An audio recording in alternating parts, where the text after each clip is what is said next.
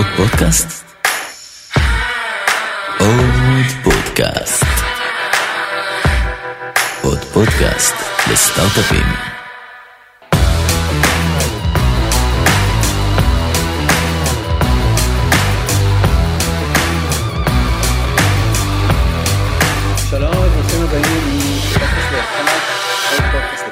שבו נדבר עם יזמים ויזמיות שבנו ובונים מוצרים שמשנים את העולם ונשמע על העליות, המורדות, הדרך והסודות של המוצרים והאנשים שמאחוריהם. אני דוד קלר, שותף מייסד ומנכ"ל סטודיו פריים ואיתי יאיר קיווייקו, מנהל השיווק שלנו. לפני שנתחיל, תודה גדולה לחברים טומי וגיא מעוד פודקאסט לסטארט-אפים שנותנים לנו את הבמה. אה, היום אנחנו שמחים לארח את אשחר בן שטרית מ-Redefine Meet, שלום אשחר. שלום, בוקר טוב. אה, שותף מייסד או מייסד שותף? גם אני ומנכ"ל. אהבתי את הפתיחה. לדוד. תודה תודה. אה, ספר לנו בכמה מילים על עצמך. אה, אני בן 35, גר בנטף, הכפר הציורי, יש לי שני ילדים בני חמש ושנתיים, אה, ואני אוהב לעשות דברים אה, משוגעים, שבדרך כלל אנשים מסתכלים ואומרים, למה שמישהו יעשה לעצמו דבר כזה, וככה מצאתי את עצמי מתעסק בהדפסה תלת-ממדית של בשר. בגדול אני, אני אוהב אוכל, אני אוהב יין, אין לי הרבה תחביבים ועיסוקים, למדתי משפטים ומנהל עסקים, ובעשר שנים האחרונות אני מתעסק באיזושהי צורה בטכנולוגיה שקשורה לעולמות ההדפסה. אז בוא תספר לנו רגע קצת על Redefine Me טיפה יותר, שאותה באמת הקמת לפני שנתיים וחצי, נכון? אה, כן, כן, אה, למעשה לפני שנתיים וחצי בדיוק נולד לי הבן השני, ואני החלטתי שהיום שהוא נולד בו יהיה היום האחרון אה, בעבודה שלי, בעבודה קודמת בחברה שנקראת הייקון, סטארט-אפ ישראלי משוגע ומעניין גם כן, ואז אמרתי לעצמי שהפרק הבא בחיים שלי צריך להיות יזמי, צריך להיות משהו שהוא, שהוא שלי, אה, צריך להיות משהו שאני נורא נורא אהנה לעשות אותו, אה, ידעתי שזה צריך להיות בעולם המזון, והחלטתי גם שהוא צריך להיות משהו שעושה טוב לעולם באיזושהי צורה. אה, כי התעסקתי בהמון פרויקטים נורא מעניינים ונורא מורכבים, אבל שאלתי את עצמי למה בעצם עושים אותם, למה הם חשובים, אה, ואז אה, התכנסו לי כמה, כמה תחומי עניין. תחום עניין אחד זה אה, ההבנה המועטה שלי, אבל ההבנה המסוימת בעולמות של הדפסה תלת-ממדית, והעיסוק האובססיבי שלי כ, כבן אדם פרטי ב- ברצון לאכול בשר. אני לא אוכל בשר, אני הפסקתי לאכול בשר אה, עם הלידה של הבן הראשון, שהוא אה, כיום בן חמש וחצי, אה, וזה מעסיק אותי מאוד, אני אה, מאוד חי את התחום הזה, אה, מכיוון שאני יודע כמה בשר הוא חשוב וכמה בשר הוא מרכיב אה, חיוני בתזונה, אבל גם בחוויה האנושית. אה, ואז אה, כשהבן השני נולד, יהל, ישבתי בבית בערך חודשיים וחצי, והתחלתי לחשוב מה זה אומר להדפיס בשר, מה זה אומר אה, לשלב הדפסה תלת-ממדית עם, עם התחום של תחליפי בשר, ואז הגעתי לאיזושהי הערה, הברקה, שהיום היא נראית ילדותית וקצת מיותרת, אבל, אבל היא הובילה אותי להחלטה שזהו, מקימים חברה עם, עם עוד שותף שעבד איתי באינדיגו, אדם, התחלנו לעבוד, גייסנו צוות, ובעצם הרעיון היה לייצר איזושהי מכונה, שאפשר לקרוא לה מדפסת תלת מימד, שלוקחת מרכיבים טבעיים, טבעוניים, אה, זמינים, לא יקרים מדי, לא מורכבים מדי, ועושה מוצר שהוא כל כך מורכב וכל כך אה, מיוחד, אה, ככה שבפה של מי שאוכל אותו הוא יחווה כבשר מהחי, וזה מה שאנחנו עושים היום, היום אנחנו מדפיסים מוצרים שהם מה שנקרא פלנט בייס, מוצרים מן הצומח, יש לנו ארבע מדפסות שהן לא דומות למדפסות תלת מימד ש- שמישהו מכיר או שמישהו ראה אי פעם, הם משהו אחר, אבל הן מייצרות מוצר שהמורכבות שלו כל כך גבוהה, אין, אין מוצר מזון כל כך מורכב, שבאמת מאפשר לנו להגיש אותו לאנשים, כולל אנשים שמבינים מאוד, לא רק אה, טבעונים שמחפשים תחליפים יותר טובים, אלא אנשים שאוהבים בשר, אה, וכבר היום זה, זה מאוד טעים, זה דבר ראשון שזה נורא חשוב, אבל אה, זה, זה דומה לבשר ברמה כזאת שהפידבק של אנשים הוא לא וואו זה ממש כמו בשר, אלא וואו אני לא מאמין שזה לא בשר. אה, בעצם המוצר שאנחנו מדפיסים אותו היום הוא המוצר היחיד שאני יודע עליו בעולם שנכווה על ידי אנשים כבשר למרות שאין בו שום דבר מן החי כמובן אה, והמסע שלנו הוא מסע של, של שנתיים של פיתוח אבל השיא שלו בחצי שנה האחרונה אז אנחנו ממש אה, מבחינתנו חברה בתחילת הדרך אה, בשוק מאוד מעניין אבל מאוד מאוד מאתגר אה, אה, חוויה מעניינת, מאתגרת, כיפית, אה, שאני אשמח לספר עוד עליה. בעצם אתה בכלל אה, אמרת שהתחלת מלימודי משפטים, איך מגיעים לזה ממשפטים דווקא לעולם הפרינט? אה, גם אני שאלתי את עצמי את השאלה הזאת הרבה פעמים, אפילו היו תקופות שכל יום שאלתי את עצמי איך הגעתי לזה, אבל כמו הרבה אנשים, לימודי משפטים היום נהפכו למין לימודי בסיס כאלה שהם נורא מעניינים, ואני לא אשקר, הם גם אה, היו יחסית ל, לרצון שלי כסטודנט לא כל כך מאתגרים מבחינת אה, היקף השקעה, אם הייתי לומד משהו ריאלי זה היה לי הרבה יותר קשה, ועשיתי MBA וחיפשתי דרך להיות product manager. ידעתי שאם רוצים לעשות איזשהו מעבר מעולמות המשפט הנטו לעולמות הטכנולוגיה או הייטק, product manager זה, זה משרה טובה, ומצאתי את עצמי בתוכנית מדהימה שאני ממליץ לכולם של HP אינדיגו, שזה בעצם תוכנית להכשרת מנהלי מוצר בעולם מאוד טכנולוגי.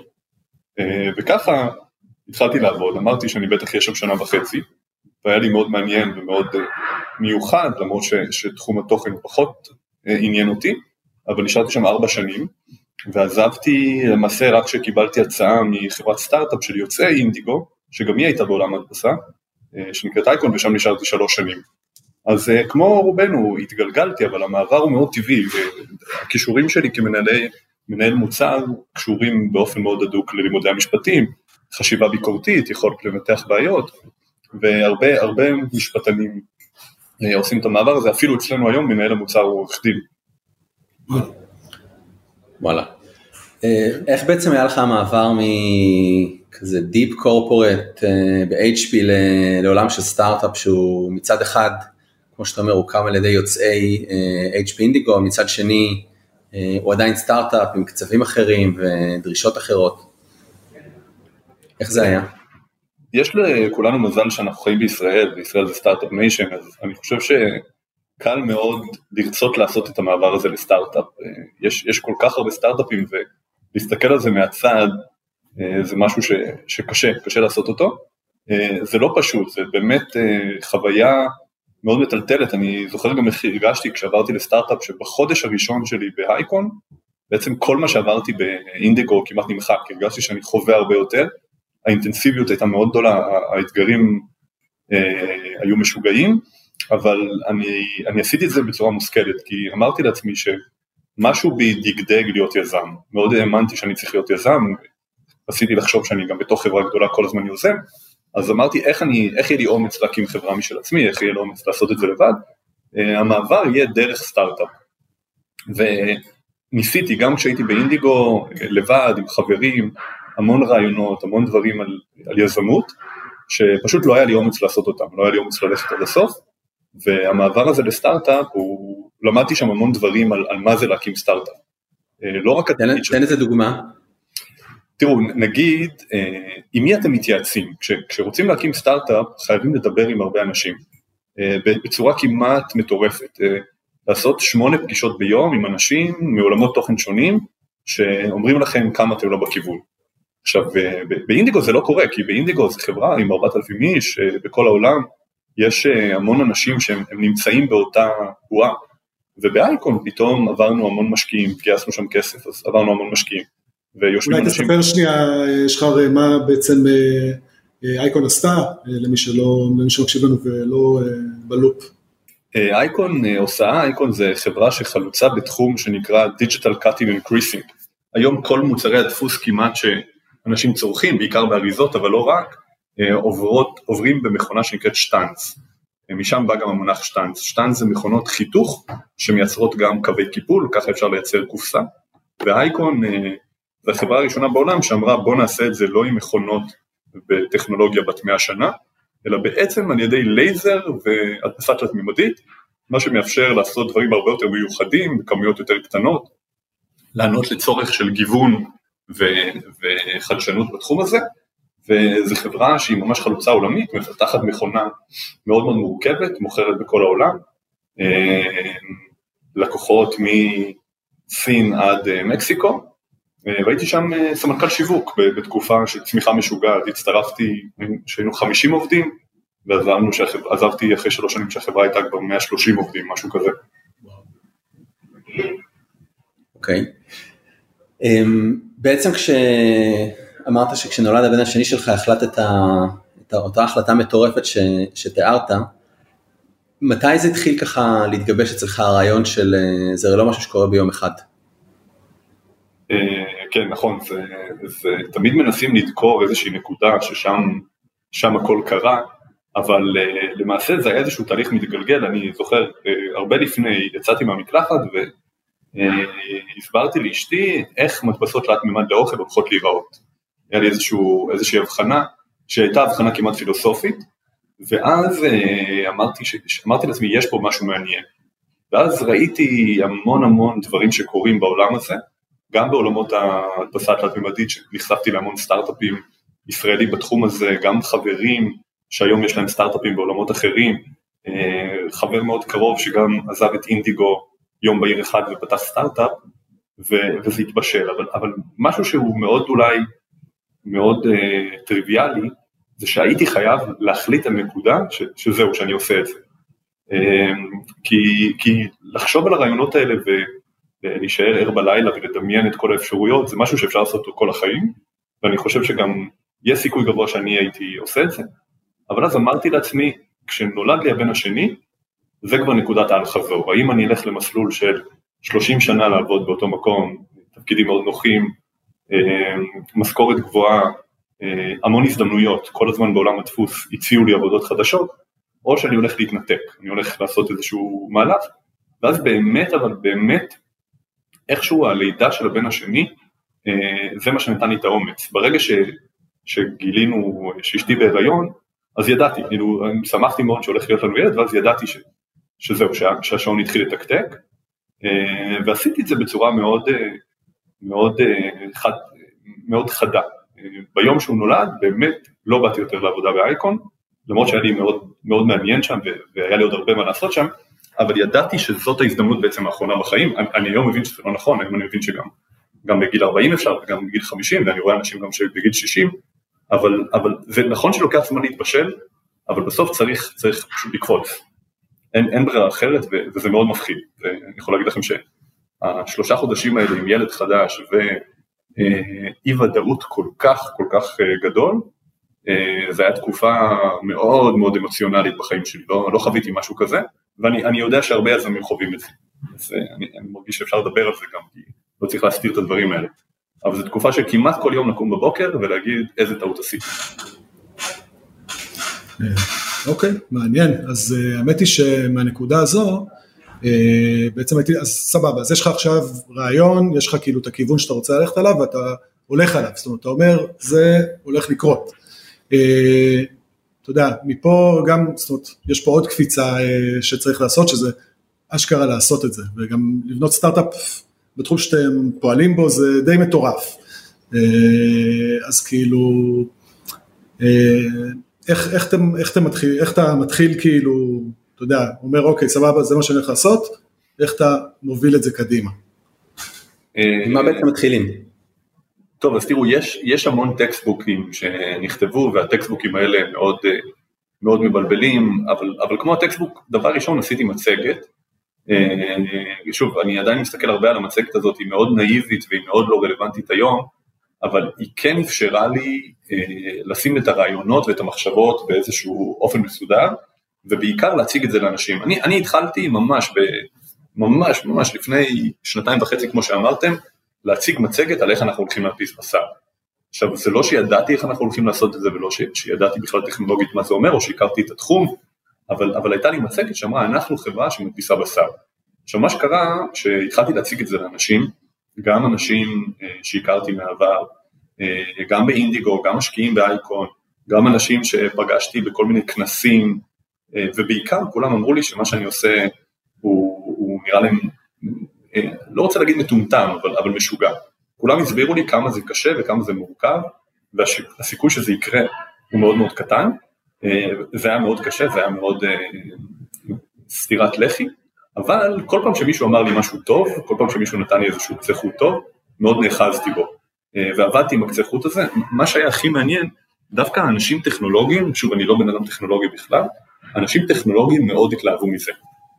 הלכתי פרופסורים בטכניון, אה, מישהו, אופיר בנימין, דוקטור אופיר בנימין מתל חי, והם מאוד התלהבו, כי הם אמרו לי שהם מתים שמישהו יעשה משהו כזה. אמרו לי, אנחנו מתים שמישהו ייקח את התחום הזה ויביא בו משהו חדש. עכשיו, אגב, זה לא, זה לא סיגנל טוב שאנשים שהם באקדמיה מתרגשים מזה ואנשים שהם בעולם העסקי לא כל כך מתרגשים מזה, אבל, אבל זה כן אפשר לי לקחת כמה קצות חוט, בעצם להתחיל לזקק מה אנחנו הולכים לעשות. ואז גם להבין מה אני צריך כדי שיהיה לי ביד איזשהו proof of concept, שה-proof of concept הזה הוא לא נועד בשביל העולם החיצון, הוא נועד בשבילי להחליט האם אני באמת הולך להמשיך עם זה הלאה או שזה באמת איזשהו חלום נאיבי שנגנוז אותו תוך כמה חודשים. ואז עשיתי משהו, שוב, שמע לכם מגוחך, בטח לך דוד, כי אתה מכיר אותי קצת, בניתי מדפסת תלת מימד שהזמנתי מסין במרתף של ההורים שלי בירושלים, שזה היה, זה לקח לי איזה שבוע, אתה יודע, זה קיט שאנשים בונים אותו בכמה שעות, לקח לי איזה שבוע, ובבית שלי במטבח עשיתי כל מיני ניסויים. עכשיו, הניסויים האלה באמת, אני, אני לא יכול אפילו לתאר לכם כמה הם היו בסיסיים ברמה של הנדסת מזון או אפילו בשלנות ביתית, אבל, אבל הם נתנו לי תחושה שבסדר, אני, אני אהנה להתעסק עם זה, אני אהנה ללמוד את זה, נהניתי להרכיב מדפסת תלת מימד אה, לראשונה בחיי, נהניתי אה, להזליף מתוך אה, מזרק טיפות קטנות של אה, אור זימיים, כדי לראות מאיזה מרחק אפשר לראות את זה ואם זה מחזיק צורה.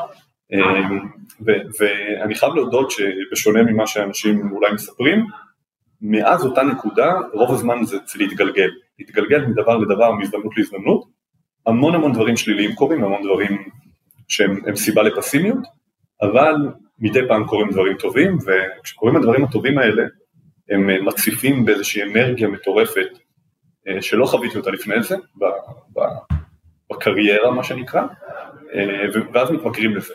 ברגע שזה מתחיל זה נהיה ממכר מאוד. איך, אה, איך בעצם התמודדתם עם זה שעל פניו גם, גם אדם וגם אתה, אתם שניכם בעצם מקימים סטארט-אפ סופר טכנולוגי, ושניכם לא אנשים עם רקע טכנולוגי. זה יצר איזשהו יתרון אולי דווקא, או שהרגשתם שיש פה איזשהו חיסרון, בעיקר כשבאים ככה לגייס את ההשקעה הראשונה?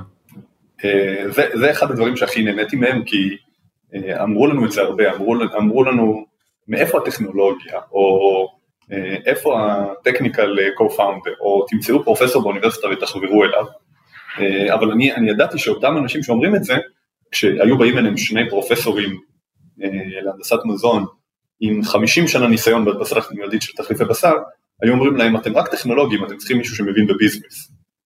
אז, אז תראו, קודם כל זה קצת מצחיק, באמת הפטנט הראשון של החברה, אני הממציא הראשי בו, שזה כמובן לא הגיוני, אבל, אבל יש משהו טכנולוגי שהוא בא לדעתי, שוב אני, אני מדבר מתוך פוזיציה, הוא בא מההבנה של מנהל מוצר טוב.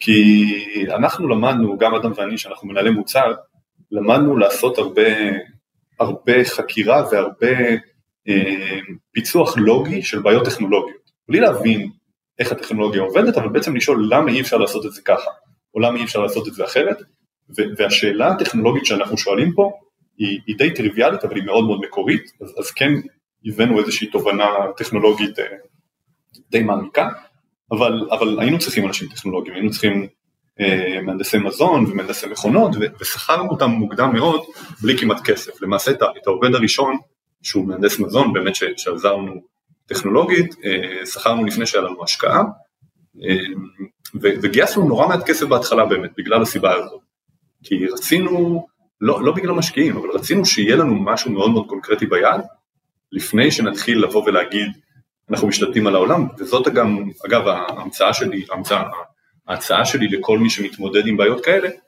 זה בעצם להתקדם, להתחיל לעבוד. והחיסרון שלנו היה שאנחנו לא אנשים טכנולוגיים, אז uh, אני מקווה שהיה לנו סט כלים עסקיים ושל אסטרטגיה ו product מאוד חזקים שמפצים על זה, והצעדים הראשונים שלנו היו באמת אה, יותר בטכנולוגיה, ואם היינו טכנולוגים אז היינו צריכים לדעת לעשות מצגת ולהגיע למשקיעים ולבנות מודל עסקי, אז, אז זאת לא הייתה הבעיה שלנו. אה, אבל אגב, שוב אני אומר, כמו שהתחלתי, זה לא משנה. בכל סטארט-אפ יש המון המון חוסרים, מי שחושב שלא חסר לו כלום, הוא פשוט לא יודע, אה, והיה לנו חיסרון, והיום יש לנו ארבעה אנשים עם PhD בחברה ש, שעובדים והם הרבה יותר טכנולוגיים מאיתנו, וזה לא אומר שהם יודעים את הכל, וזה לא אומר ש, שפתרנו את כל האתגרים שלנו. אמ, אני חושב שהשילוב של פאונדר אה, שהוא טכנולוגי עם פאונדר שהוא לא טכנולוגי הוא חשוב, אבל אדם ואני כמעט כמו זוג נשוי, אה, חברים עשר שנים, אה, יודעים לעבוד מאוד מאוד טוב ביחד ויודעים לריב גם הרבה, שזה מאוד חשוב, כי אם לא יודעים איך לריב, אם לא יודעים איך אה, להגיע לחילוקי דעות, אז מאוד קשה לעבוד, וזה הרבה יותר חזק מה, מהסט of skill הספציפי שכל אחד מביא מאיתנו בעולמות התוכן. אז בעצם הקמתם את ה... נקרא לזה את החברה, גייסתם את אותו מהנדס, אה, מהנדס ראשון, מה בעצם היה הדבר הראשון, כאילו, מה המאסטון הראשון ש, שאליו כיוונתם? נקרא לזה הנקודה שבה הדבר הזה, אתה אומר, אוקיי, עם זה אני יכול ללכת, באמת לגייס כסף ולא איזה פרסיד אה, ממישהו שיש לו את אותו, שותף לחלום, אלא באמת גיוס רציני. אה, וואו, זו שאלה טובה, אין לי מושג. אנחנו כל פעם הסתכלנו על מה אפשר לעשות חודש קדימה. אה, וחודש קדימה, בדרך כלל בשלבים האלה, זה שוב למצוא איזשהו קצה חוט. אה, אז אנחנו האמנו, היה לנו תזה מהיום של החשיבה על הרעיון של החברה, שבעצם להדפיס, לקחת מדפסת אוף דה של ולהדפיס שלושה חומרים שונים, יאפשר לנו לייצר תחליף בשר מאוד מאוד מרשים. אז uh, עשינו את זה בכלים מאוד בסיסיים, ברמה של בואו ניקח uh, מוצר של טבעו או לא מוצר של ביון מיט, ונראה שבאמצעות ההדפסה אנחנו מגיעים לתכונות שהן בלתי אפשריות. אה, וזה היה ממש אה, לערבב משהו, לנסות להדפיס אותו, אגב אתם יודעים להדפיס כשעושים גם בחברות גדולות שמנסים להדפיס משהו בהתחלה עושים את זה ידני. אה, אם אתם יכולים להשתמש באקדח דק חם, אתם יכולים לדמות תהליך של FDM. אז גם אנחנו עשינו ממש מזרקים שמטפטפים יום שלם, פעם אחת עמדנו אקסי ואני אקסי זה מהנדס המזון, וממש הוא טפטף קו, אני טפטפתי קו אחר, הוא טפטף קו, אני טפטפתי קו אחר, ככה בנינו משהו מאוד מאוד מורכב, אה, טיגענו אותו ואכלנו אותו, זה כמובן לא היה טעים, אבל אה, זה אפשר לנו להראות אה, משהו מאוד, מאוד מצחיק היום זה נשמע, להראות תחליף בשר שהוא, אנחנו, אתם יכולים להאמין או לא להאמין, הוא לא היה טעים, בטוח שהוא לא היה טעים, אבל שאחרי הבישול חלק אחד ממנו היה מאוד מבושל, אפור כזה, כמו, כמו בשר מבושל, ובפנים הוא היה מדמם מאוד מאוד אדום ומאוד מאוד עסיסי. וכשהראינו את זה לאנשים, אפילו אנשים עם 30 שנה ניסיון, הם אמרו איך עשיתם את זה? איך עושים דבר כזה? אנחנו לא מכירים דרך לעשות דבר כזה בצורה כל כך מדויקת וכל כך מרשימה, אה, וזה היה נגיד אה, פריצת דרך. היום זה משהו שאנחנו אה, מבינים שהוא היה ממש ממש קטן וחסר משמעות, אבל אז היה מאוד מרגש. אבל, אבל לא עשינו את זה כדי לגייס כסף, עשינו את זה כדי להתקדם לקראת הצטרפות לאקסלרטור, שזה מה שנתן לנו בעצם את הדחיפה המשמעותית, כי זה היה אקסלרטור של הטכניון, הנדסת מזון, ושל שטראוס ושל האיחוד האירופי, ששם קיבלנו המון כלים, לא אקסלרטור עסקי, אלא אקסלרטור איך מקימים סטארט-אפ בעולמות הפודטק, שזה מה שהיינו צריכים מאוד, ואחרי שהשתתפנו באקסלרטור הזה, ואחרי שזכינו בו, אז אה, התחלנו לגדול ולגייס עוד כסף. עד אז אה, כמעט שנה, ממש ממש אה, בצורה מאוד מאוד רזה, מאוד מאוד, כמעט bootstrap, זה לא היה bootstrap לגמרי, אבל כמעט bootstrap. אני עוד תקוע ב"טיגענו אותו ואכלנו אותו". כן, כל הכבוד שהיה לכם את האומץ. אה, כן. רגע, שנייה, זה משהו חשוב, to be on the record. אה, מהיום הראשון בחברה, כל דבר שעשינו, כולל דברים שלדעתי הם לא היו בכלל בטוחים, אה, מאוד מאוד לא טעימים, כל דבר שעשינו, אם הוא לא היה מצחין נאכל. כי אני האמנתי, האמנתי מההתחלה ואני מאמין גם היום, שבעולמות ה... מה שנקרא פודטק או טכנולוגיות למזון, יש המון פוטנציאל טכנולוגי, אבל אם הוא לא מייצר מוצר טעים, זה לא מעניין הפוטנציאל הזה, ולכן ה-DNA שלנו שכל מה שאנחנו עושים נאכל, אין פה שום דבר שאנחנו, פורמולציה שאנחנו מייצרים, או מוצר שאנחנו מדפיסים, שאי אפשר לעצור ולהגיד בוא נאכל את זה. אה, אפילו לפני, לפני שבועיים היה לנו פה איזה משהו, איזה אירוע, והכינו משהו כזה להדגמה. אה, ואז השף אומר לי, יש לנו שף, אומר אל תאכל את זה. אז אמרתי לו, עכשיו אתה ואני נאכל את זה. כי לא יכול להיות דבר אצלנו שאומרים את זה אבל אל תאכל. כי אה, אז אנחנו משחקים עם עצמנו. אם מפתחים מזון בלי לאכול אותו, אז, אז אתה לא יודע, האינטואיציה לא יודעת אם אתה בכיוון הנכון או לא, ואם אוכלים אותו וזה לא טעים, אז אפשר ללמוד מזה, אבל אם אוכלים משהו ואומרים וואו זה טעים, אז, אז יודעים שיש פה איזה משהו מעניין. זו תובנה מעניינת האמת היא, כי כן. אתה יודע, כאילו בעולמות הטכנולוגיה, אז אתה גם רואה את זה, כאילו בעולמות ה- של לאו דווקא הפודטק. זאת אומרת, אתה לא תראה מישהו שיש לו מוצר מסוים והוא לא משתמש בו, אבל אה, כאילו, יכול להיות שאנחנו מסתכלים על זה באמת כוואו, איזה אומץ, כן. בגלל שזה, אתה יודע, זה נכנס לך לגוף, אבל... אה, בדיוק, מדהים. אבל, אבל זה גם, זה גם walk the talk ו- וכל הדברים האלה, אני לא יודע, אתם מכירים את, אה, יש חברה מדהימה שנקראת Impossible Foods, בעצם חלוקת, חלוצת התחום הזה, והרגע הכי מרגש ב, ב, בהיסטוריה של החברה הזאת, והרגע הכי מרגש גם לתעשייה הזאת אה, עד היום, זה שדייוויד צ'יין, שהוא שף מאוד מפורסם בארצות הברית, העלה ציוץ עם תמונה של המבורגר, ואמר I tasted the future and it's vegan. עכשיו גם לנו היה המון המון רגעים, היו המון רגעים שטעמנו משהו, ואמרנו וואלה, זה הולך לקרות. אה, היה, היה לנו איזשהו סשן שייצרנו דם בפעם הראשונה, אנחנו מייצרים דם כחלק מה, מהפורמולציות של ההדפסה, וטעמתי אותו, אה, תזכרו אני לא אוכל בשר כמה שנים, ולא הצלחתי לישון כל הלילה, היה לי טעם של, של סטייק בפה, ו, וזה מאוד מרגש, זה נותן, זה נותן משהו מאוד מאוד קונקרטי, מאוד מוחשי, מאוד אינטימי, מכניסים את זה לגוף, שהוא תוצר של טכנולוגיה, אז, אז גם יש בזה משהו מדהים. מטורף. לגמרי. אמ, אז בעצם הגעתם לאקסלרטור הזה של, ה- של הפודטק, מה, מה ההבדל בין אה, סטארט-אפ בתחום הפודטק ל, לכל סטארט-אפ אחר? איפה אתה, איפה אתה רואה את ההבדלים האלה? אה, תראו, קודם כל, יש מאפיינים שהם שותפים לכל סטארט-אפ, צריך לגייס כסף, לבנות pitch, צוות, אה, כל הדברים האלה, אבל אה, יש משהו בעולמות הפודטק שהוא מאוד לא טכנולוגי, אה, זה קצת מצחיק להגיד, אבל מאוד רחוק מעולמות אחרים שאני מכיר ושאתם מכירים, וצריך להבין שיש פה רגולציה, ויש פה תהליכים, ויש פה חומרי גלם, ויש פה דברים שאם הם נשארים שעה בטמפרטורת החדר הם מגדלים שמרים שיכולים אחרי זה להרוג אתכם, אה, ולכן נורא חשוב לדעת את המושגים בעולמות המזון. נגיד כל הנושא של תזונה, שכולנו מכירים את הנושא של תזונה כ, כצרכנים, נורא מעניין לראות איך חברות מזון מסתכלות על זה. אה, מה, מה חשוב ומה לא חשוב, מה אמיתי ומה לא אמיתי.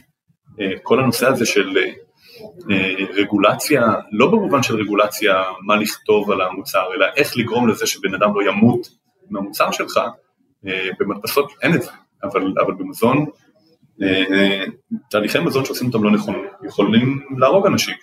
אז אה, מין קורס כזה, קורס של אה, הנדסת מזון אה, לעורכי דין כמוני, זה משהו שאי אפשר, אי אפשר בלעדיו בעולם הזה, אה, ואין דרך לעשות את זה חוץ מלהצטרף לאיזשהו ארגון שעושה את זה. היה שם גם אלמנטים של, אלמנטים עסקיים, אבל זה פחות היה חסר לי. פחות הרגשתי שאני צריך מישהו שיעשה לי הדרכה באיך להעביר מצגת, אבל אה, פרופסור אבי שפיגלמן, שהסביר לנו על אה, תהליכים אה, חדשניים לפסטור מזון, הייתי שם מרותק, סיכמתי כמו שלא סיכמתי בחיים בלימודי משפטים, את כל, כל השיעורים האלה. אני לא יודע אם יש עוד עולמות כאלה, אבל, אבל אקסלרטור שהוא בתוכן ספציפי לסטארט-אפים מעולמות תוכן האלה, הוא מאוד ייחודי על פני אקסלרטור שיש חברה שעושה מזון וחברה שעושה סייבר וחברה שעושה quantum computing אה, אחת ליד השנייה. גם כמובן הקשר בין החברות באקסלרטור היה מאוד נחמד, יש לי שם חברים מאוד טובים עד היום ואנחנו עוזרים אחד לשני, אה, אז, אז זה משהו ייחודי וגם שם זה אקסלרטור שיש בו הרבה שותפים, שהשותפים האלה זה חברות מזון גדולות מהאיחוד האירופי ועם שתיים מתוכם היום אנחנו עדיין משתפים פעולה. בוא נדבר רגע על ה... קצת על המוצר ועל הטכנולוגיה. אה, איפה בעצם אתם נמצאים היום? ספר לנו על זה ככה קצת. אמ, מה- מהרגע שידענו מה אנחנו הולכים לעשות, אני אסביר עוד מעט בכמה מילים איך אנחנו עושים את זה, אז התמקדנו בשני וקטורים, אחד איכות המוצר, לעשות אה, בשר טעים, ושתיים סקיילה.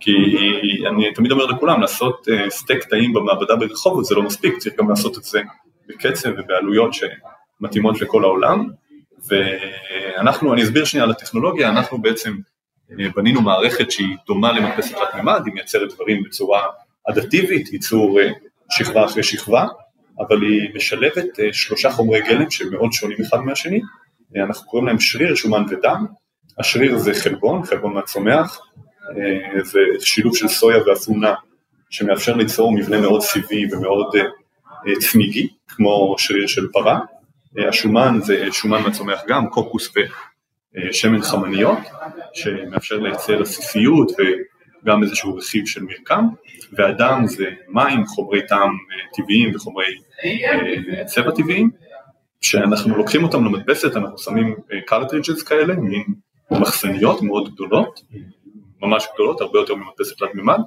ובמערכת יש לנו כמו, כמו רובוט כזה. כל חומר גלם אה, מטפל איזשהו מקבל איזשהו טיפול שונה, השריר מקבל טיפול אחד, השומן מקבל טיפול אחר, כי יש להם תכונות שונות, הדם זה בכלל אה, יותר ג'ל, ואנחנו לאט לאט שכבה אחרי שכבה מרכיבים אה, מין מוצר מאוד מוזר, שהוא לא נמצא בעולם המזון בכלל, הוא נמצא רק בבשר.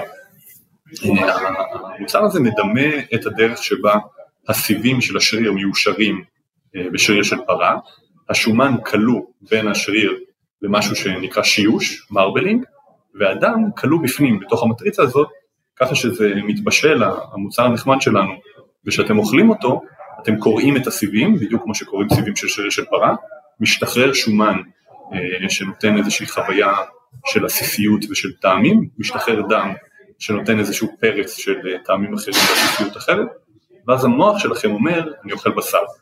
כי המורכבות הזאת, המטריצה הזאת שאנחנו יוצרים, היא מאוד מאוד אופיינית לבשר, והיא לא אופיינית לשום מוצר מזון אחר.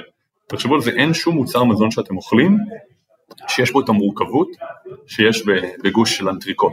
כל המוצרים האחרים הם הרבה יותר בסיסיים, ו- ותעשיית המזון, אה, בני אדם לא יודעים לייצר משהו עם מורכבות כזאת, והמדפסת שלנו מייצרת את המורכבות הזאת.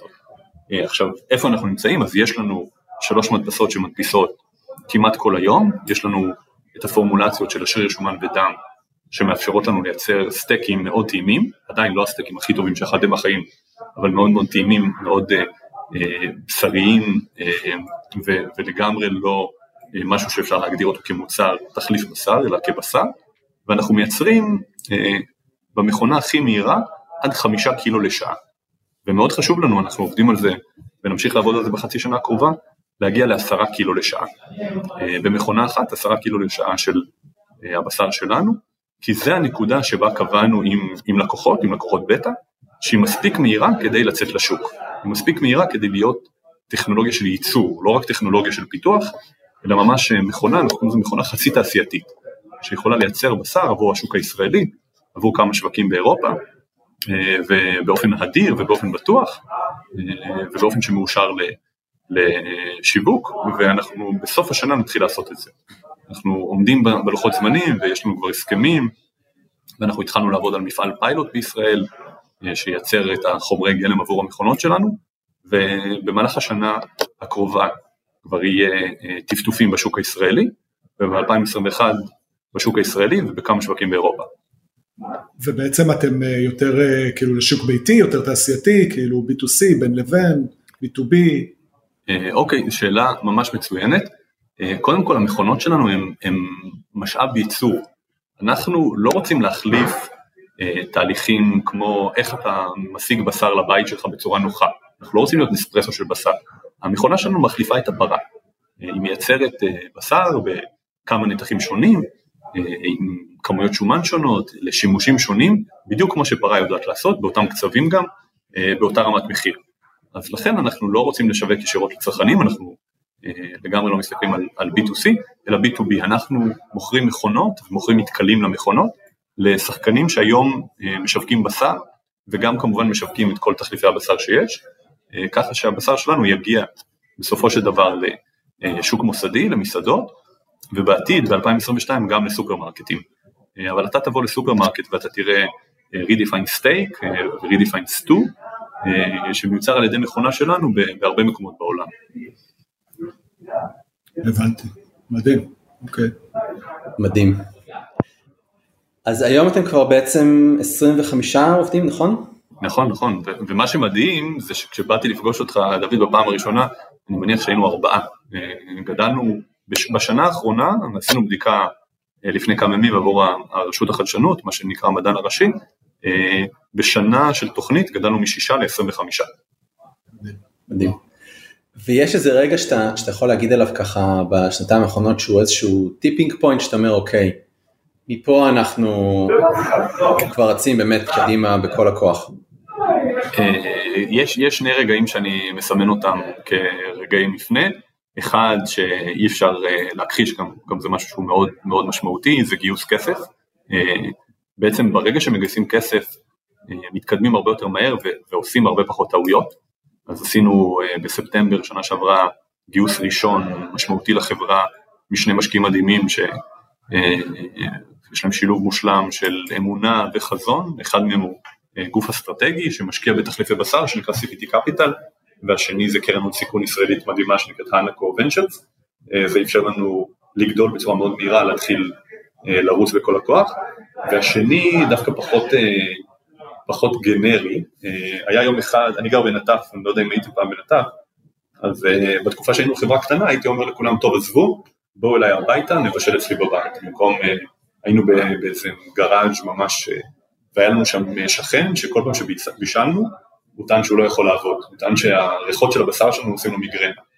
אז לקחתי את כולם והלכנו לבית שלי, בטח היה לנו איזה חצי קילו של בשר, אה, ואז התחלנו לבשל אותו, ואחד מהחבר'ה שהוא אה, בשלן מדהים טבעוני, אה, הוא אכל משהו והוא אמר בואנה זה הפיתה הכי טעימה שאכלתי בחצי שנה האחרונה עם בשר שלנו, ואז לקחנו את פיתה אחרת ונסענו ביישוב ודפקנו על דלת של מישהו ונתנו לי טוב, אמרנו לו תגיד מה דעתך, עכשיו אני לא, אני לא מדבר הרבה על מה שאני עושה, רוב האנשים לא יודעים, אז, אז נתתי לו את הפיתה הזאת והוא אמר בואנה אחלה, אחלה מנה, אחלה בשר, ולא היה, לא היה לו שמץ של מושג שזה לא בשר, אז ברגע הזה אמרנו וואלה זהו אנחנו, אנחנו יכולים לטרוף את העולם כי זה נותן המון כוח, שאתה יכול להגיש למישהו, עשינו את זה עוד הרבה ועשינו את זה גם לאנשים מפורסמים, אבל לתת למישהו משהו, והוא אומר בואנה זה, זה בשר טעים ואהבתי את המנה והיא הייתה מאוד עסיסית והרגשתי את הטעמים, אז אומרים לו אתה יודע שזה לא בשר, ואז אנשים ממש ממש נדהמים, כולל אנשים, כולל שפים וכולל קצבים, כולל אנשים שהם אוכלים בשר למחייתם, אז זאת הייתה נקודה ממש של צמרמורת והתרגשות וגם שידענו שאנחנו יכולים, יכולים לרוץ קדימה עוד יותר אפילו. ואמרתם לבחור הזה שזה לא בשר, שהוא עד היום לא יודע? לא, לא, הוא יודע, הוא יודע בטח, בטח. כשהוא, כשהוא שמע את זה פעם ראשונה הוא כזה עושה עם השפתיים רגע מה אכלתי, כן. או שהוא אומר... זהו, זה, זה מצחיק, כי אם אתם, אם אתם מגישים לצמחוני או טבעוני בשר ולא מספרים לו זה מאוד בעייתי, אבל אם מגישים למישהו שאוכל בשר, אה, תחליף בשר, עשינו את זה גם בכמה מסעדות, אז שם זה קצת היה יותר גבולי, אה, עשינו את זה גם לאנשים מאוד מאוד מאוד רציניים, אבל זה אחת מהפריבילגיות כסטארט-אפ ישראלי, אנחנו עושים לפעמים דברים שסטארט-אפ גרמני או שוויצרי, מישהו היה אומר רגע, נראה לי שמה שאתם עושים זה, זה טיפה יותר מדי, אבל עשינו את זה גם אה, בשיתוף פעולה, עשינו את זה במלון דן אקדיה, עם השף של המלון, אה, באירוע ערב אה, העמדנו דוכן, בדוכן שלנו סיפרנו לכולם שזה בשר והסברנו גם מה יש בבשר הזה והגשנו משהו כמו 120 מנות ואחרי זה סיפרנו לאנשים שזה לא בשר. תמיד אנחנו מספרים ותמיד גם אנחנו בודקים אם למישהו יש אלרגיות, כי צריך לעשות את זה, אבל, אבל זה בסדר, אני, אני, מבחינה מוסרית אני חי עם זה בשלום. כן, הישראלי חוצפה של היזמים הישראלים היא תמיד אה, כן, כן. עובדת טוב. כן. איפה אנחנו נראה אתכם אה, עוד שלוש שנים לדעתך? מה, מה המטרה שסימנתם? אה, עוד שלוש שנים אנחנו כבר יודעים כמה אלפי מכונות יהיו לנו בשדה וכמה טונות של בשר נייצר. אני חושב שמה שיותר חשוב לנו זה העובדה שהמוצרים שלנו הולכים ומשתפרים. אז עוד שלוש שנים אנחנו חושבים, גם, גם יש לי פה כמה אנשים חכמים שמאמינים, נוכל להיות עם, עם סטייק אנטריקוט, פילה, שהוא באותה רמה של סטייק אנטריקוט או פילה מאוד מאוד טוב ו steak house איכותי, uh, שזה אחד, כי היום יש לנו בשר מדהים והוא מאוד טעים, הוא מאוד מדמה בשר. אבל זה עדיין לא הסטייק הכי טוב שאכלתם אי פעם. והדבר השני, אנחנו היום עושים בקר ואנחנו רוצים לעשות גם חזיר ועוד כמה סוגים של בעלי חיים ש, שלא נמצאים היום בשוק הזה של התחליפים, אבל אצלנו האימפקט נמדד בדבר אחד, בכמות בשר שנייצר. אה, עכשיו, מה שמדהים בעולם הזה של אוכל, שהוא עולם מאוד קשה ומאוד מורכב, אבל הכמויות בו הן אינסופיות. אז הפוטנציאל גדילה, אנחנו נגיד בגרמניה עובדים עם איזשהו שותף, ושאלנו אותו כמה מכונות, הראינו להם כמה מכונה תעשה, אז אמרנו לו, כמה מכונות אתם צריכים לפיילוט? אז הם אמרו, תקשיבו, יש בעיה מאוד גדולה, אנחנו צריכים 500 מכונות לפיילוט. כי זה מה שצריך בשביל, באמת, בשביל פיילוט בגרמניה, מדינה של 80 מיליון תושבים, אז אמרנו זה לא בעיה בכלל, אם אתה תוכל להזמין 500 מכונות, אנחנו נדע לייצר. אז ברגע שנעשה כמה פיילוטים מוצלחים, בעצם היכולת שלנו לגדול, אה, כמות הביקוש בשוק הזה היא אינסופית, אנחנו לא מתכננים להיות 50% משוק הבשר, אבל אם נגיע בשלוש שנים ל-0.001% משוק הבשר העולמי במקומות הרלוונטיים, זה אומר שאנחנו חברה ישראלית מאוד מאוד גדולה, וזה לא היקפים שיש אותם בהדפסה תלת-ממדית. במזון מכירים את זה, אבל בהדפסה תלת-ממדית, רוב האפליקציות של הדפסה תלת-ממדית הם prototyping, אה, כי הם מתחרים עם טכנולוגיות מאוד יעילות. עכשיו אנחנו מתחרים כרגע מול פרות שהן מאוד מאוד לא יעילות, אז בהנחה שהמוצר שלנו טעים, שזה משהו שאנחנו כבר, כבר די הוכחנו אותו, ושאנחנו יודעים לייצר בכמויות, אנחנו הולכים פשוט להקים מפעל ענק שמייצר חומרי גלם עבור מדפסות שלנו שנמצאות בכל העולם. אה, ולכן גם נורא חשוב לנו להיות מהירים, כי אנחנו רואים אפשרות פה לצמיחה משוגעת. הצפי לגבי השוק הזה וההייפ שיש סביבו היום הם כלום לעומת איפה שאנחנו מאמינים שהוא יהיה עוד חמש שנים.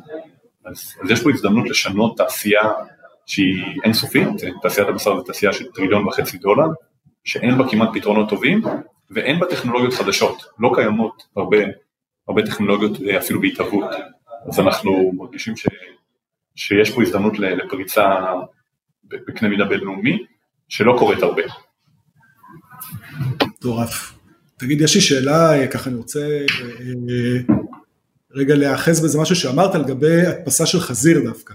מעניין אותי, מעניין אותי איפה זה, זאת אומרת במדינה כמו ישראל שיש עם זה איזושהי בעיה, מעניין אותי איפה, איפה זה שם את זה, כי כאילו זה לא באמת חזיר, אז כאילו האם זה כן, זה מעניין אותי, כאילו דווקא, כי דווקא במדינה שלנו, בקטע של מזון, אה, יש לך פה עוד איזשהו אה, חסם, סוג של, אה, שזה עניין הכשרות וכל הדבר הזה, אז אני תוהה, זאת אומרת, האם בעצם אתה הולך להדפיס חזיר כשר? אז כן, חד משמעית כן, וכבר הרב הראשי של נס ציונה הבטיח לנו שכמו שהוא הכשיר את הבקר שלנו, הוא יכשיר גם את החזיר. זה מצחיק כי זה לא חסם, בישראל זה, זה use case יותר חזק שהוא לא קיים בשום מקום אחר בעולם. הרבה אנשים ששומרים כשרות אומרים לנו שהם יעדיפו את הבשר שלנו על בשר בקר, אמ, מכיוון שאפשר לאכול אותו בכל ארוחה, אפשר אה, לבשל אותו באותם כלים, והכי חשוב אפשר לשתות כוס קפה עם חלב אחרי שאוכלים סטייק, אבל הבעיה היא ש, שבעצם כשעושים פרויקטים כאלה, זה, זה אני מאמין מאוד באופן אישי, אבל מישהו יותר חכם ממני לימד אותי את זה, אתה לא מחפש אה, איזשהו novelty factor, אנחנו רוצים לעשות חזיר בשביל אנשים שאוכלים חזיר. כי לעשות חזיר בשביל אה, שומרי כשרות בישראל זה גימיק נחמד, אבל אם אתה יכול אה, בסין, שהממשלה הסינית מאוד תומכת בזה, לתת לאוכלוסייה שאוכלת שם חזיר באופן קבוע במאות ואלפי שנים האחרונות, יש לך שוק הרבה יותר גדול. אז זה שזה כשר זה נחמד, זה גימיק מאוד יפה, אבל מי שאוכל היום חזיר לא אכפת לו אם זה כשר או לא, והסיבה שאנחנו רוצים לייצר חזיר, כי חזיר זה, זה הבשר הכי נצרך בעולם, אה, מבחינת כמויות, אה, גם מבחינת שווי. אז... לא, שאל, שאלתי את זה דווקא להפך, זאת אומרת... אה, כן, אבל זה קל, כי אני אגיד לך, זה, זה מה שמצחיק, כי הרבה אנשים אומרים, האם זה יהיה קשה? אז היום אנחנו משתמשים בחומרים שהם כולם מהצומח, שהם כולם קשרים פרווה, אגב אין שום בעיה, גם, גם מוצרים שלנו שמיוצרים בשוויץ או בסין, באים כבר עם, עם תעודת כשרות, והיה שאלה של מראית עין, והאם באמת אפשר להגיש סטייק עם רוטב שמנת, וגם זה התפיסה היום שזה כבר לא חסם אמיתי אה, לכשרויות מאוד מהודרות, יש שאלה האם במסעדה שהיא אה, כשרה בכשרות מאוד מאוד מהודרת, יישב בן אדם ויאכל סטייק עם רוטב שמנת, אה, שהיא עוד לא נפתרה אבל, אבל הבשר כשר פרווה, ואגב כשעשינו כשרות, הרב בא, באתי אליו, אחרי שעשינו את כל הבחינות וכל מה שצריך, ואז הוא אמר אוקיי אז אתה רוצה תעודת כשר בשרי, אז אמרתי לו מה פתאום, אז אמר לי אז מה כשר חלבי? אמרתי לו לא, פרווה, אז אמר אה נכון, זה הגיוני. כי רצינו כשרות, לא היה אכפת לנו איזה כשרות, אבל, אבל זה כשר פר, זה, זה קל מאוד, ו, וגם יש לזה עוד הרבה הרבה השלכות, בסופליין צ'יין יש משמעות מאוד מאוד משמעותית לכשרות פר. גם האמת היא שגם עוד שוק מעניין יכול להיות לצורך העניין בהודו עם בקר, זאת אומרת יש, יש פה הרבה, כאילו אתם סוג של פותרים הרבה, הרבה דברים שבעצם אה, אתה יודע ככה אולי לא חשבתם עליהם כ, כ, בתחילת הדרך, אבל זה באמת פתרונות יכול להיות שתפתחו שווקים חדשים לחלוטין לאנשים שמעולם לא, לא טעמו בעצם את ה... אז, אז יכול להיות. זה יכול להיות, יש תפיסה בהודו הרי, גם בסין, הצריכה של בשר בקר הולכת וגדלה, ויש שאלה האם מי שלא צריך בשר אולי יאמץ יותר מהר אה, תחליפים למיניהם, אבל אה, השוק הוא מי שאוכל היום בקר, אה, מספיק אמריקאים ואירופאים, כן, גם. באסיה שצורכים בקר וחזיר שיעברו לתחליפים, ו, וכבר פתרנו את רוב הבעיות של פליטות גזי חממה בעולם. יש לך, אם אנחנו עכשיו ככה מסתכלים שנתיים אחורה, שאתם בתוך כל התהליך, מה, מה אתה חושב שהייתם היום בראייה לאחור ככה עושים אחרת כחלק מה, מהפיתוח או מאפיון המוצר? אה, וואו, שאלה, שאלה קשה, קשה לענות עליה, אני חושב שהיא שאלה שבכל רגע נתון אנחנו בסטארט מסתכלים קדימה, מה אפשר לעשות, כי אתה יודע, זה, זה סאנק קוסט. אבל אני חושב שהריצה שלנו, אה, היא הייתה יכולה להיות אפילו יותר מהירה. אני היום מבין עד כמה זה חשוב, אנשים לא מבינים. אני היום מסתכל שנתיים אחורה, והרבה אנשים אומרים לי, אתם מתחילת הדרך, אבל זה מסע כל כך כל כך כל כך ארוך. והיו נקודות ש, שבעצם חשבתי על זהירות, חשבתי בוא נעשה משהו בצורה יותר זהירה. אה, והיום אני מבין כמה זו טעות. בעצם אנחנו עושים משהו שהוא מאוד מאתגר והוא בכל רגע נתון על הסף הבלתי אפשרי, וככל שניקח יותר סיכונים, דווקא להגדיל את רמת הסיכון, משפר בצורה אה, דיספרופורציונלית את סיכויי ההצלחה. ולכן כשלקחנו מהנדס מזון אחד היינו צריכים לקחת שניים, אה, כשהבאנו מהנדס מכונות היינו צריכים כבר לקחת את השני באותה מכה ולדחוס את כל החוויות, לדחוס אותם לכמה שפחות זמן, אה, כי אנחנו, אין לנו, אין לנו מספיק זמן. אנחנו עושים המון המון דברים ודברים מאוד מורכבים, ופשוט כל חודש שבו היססנו, אה, אני אתן לכם דוגמה מאוד טובה, לקחנו מקום חדש, והתלבטנו, במשך חודש התלבטנו אם לקחת אותו או לא. ביום שנכנסנו למקום הזה, אה, הוא כבר נהיה קטן עלינו, מבחינת היקף, מבחינת כמות עבודה. אז כל חודש שחיכינו, עבדנו פחות ועשינו פחות דברים והגענו לפחות הישגים. אז פשוט ה... זה משהו שאני שומע אותו הרבה, גם, גם ממשקיעים, לרוץ מאוד מהר. אה, תמיד צריך לחשוב מה עושים עוד, איך אה, עושים דברים יותר מהר, איך עושים דברים יותר במקביל, ו- ולא לפחד מסיכון, סיכון הוא מובנה ואני באמת לא ישן בלילה כי אני נושא על הגב שלי המון המון סיכונים, אבל צריך להתרגל לרמת הסיכון הזאת ולהבין ש, שאין מספיק זמן, שזמן הוא המרכיב הכי חשוב ולא כסף או סיכון או למזער כל מיני אה, סימני שאלה לפני שמתקדמים לדבר הבא. מדהים. אז יש לנו ככה עוד שתי שאלות לקראת סיום. השאלה הראשונה והאקטואלית היא בעצם איך, איך ואיפה תפסה אתכם כל הקורונה, אה, עם כל הריצה הזאת וה, וההתקדמות ו, וכל מה שקורה בעצם מסביב. אה, קודם כל מאוד לא כיף כי היה לנו תוכנית, הייתה לנו תוכנית אה, של ארוחות דמו אה, ברחבי אירופה אה, שבמקום להיות כלוא בבית הייתי אמור להיות בפריז ובלונדון ואפילו במונקו, אף פעם לא הייתי במונקו, בתוך מטבחים של אה, מסעדות מאוד נחשבות עם שפים מאוד נחשבים שלוקחים בשר שלנו ומגישים אותו גם לאנשים רנדומליים אבל גם לכל מיני סלבריטאים ודמויות מאוד מפורסמות כי הרעיון שלנו היה, אה, הגענו לרמת בשלות עם איכות הבשר, אז בואו בוא נוכיח את זה בחוץ בשדה, וכל זה נעצר, אפילו הייתה לנו ארוחה מאוד נחמדה בנמל תל אביב, שכבר היו מוזמנים, ו... ומאוד התרגשנו והדפסנו תפריטים, ואז נכנס כל הסיפור של הקורונה, אה, אבל מבחינה פיתוחית זה דווקא היה נחמד, כי יש לנו המון מבקרים, גם משקיעים, גם שותפים פוטנציאליים, המון טיסות, המון הסחות דעת, ופתאום החבר'ה שעובדים במעבדה אמרו איזה יופי, לא, לא באים מבקרים, אפשר לעבוד.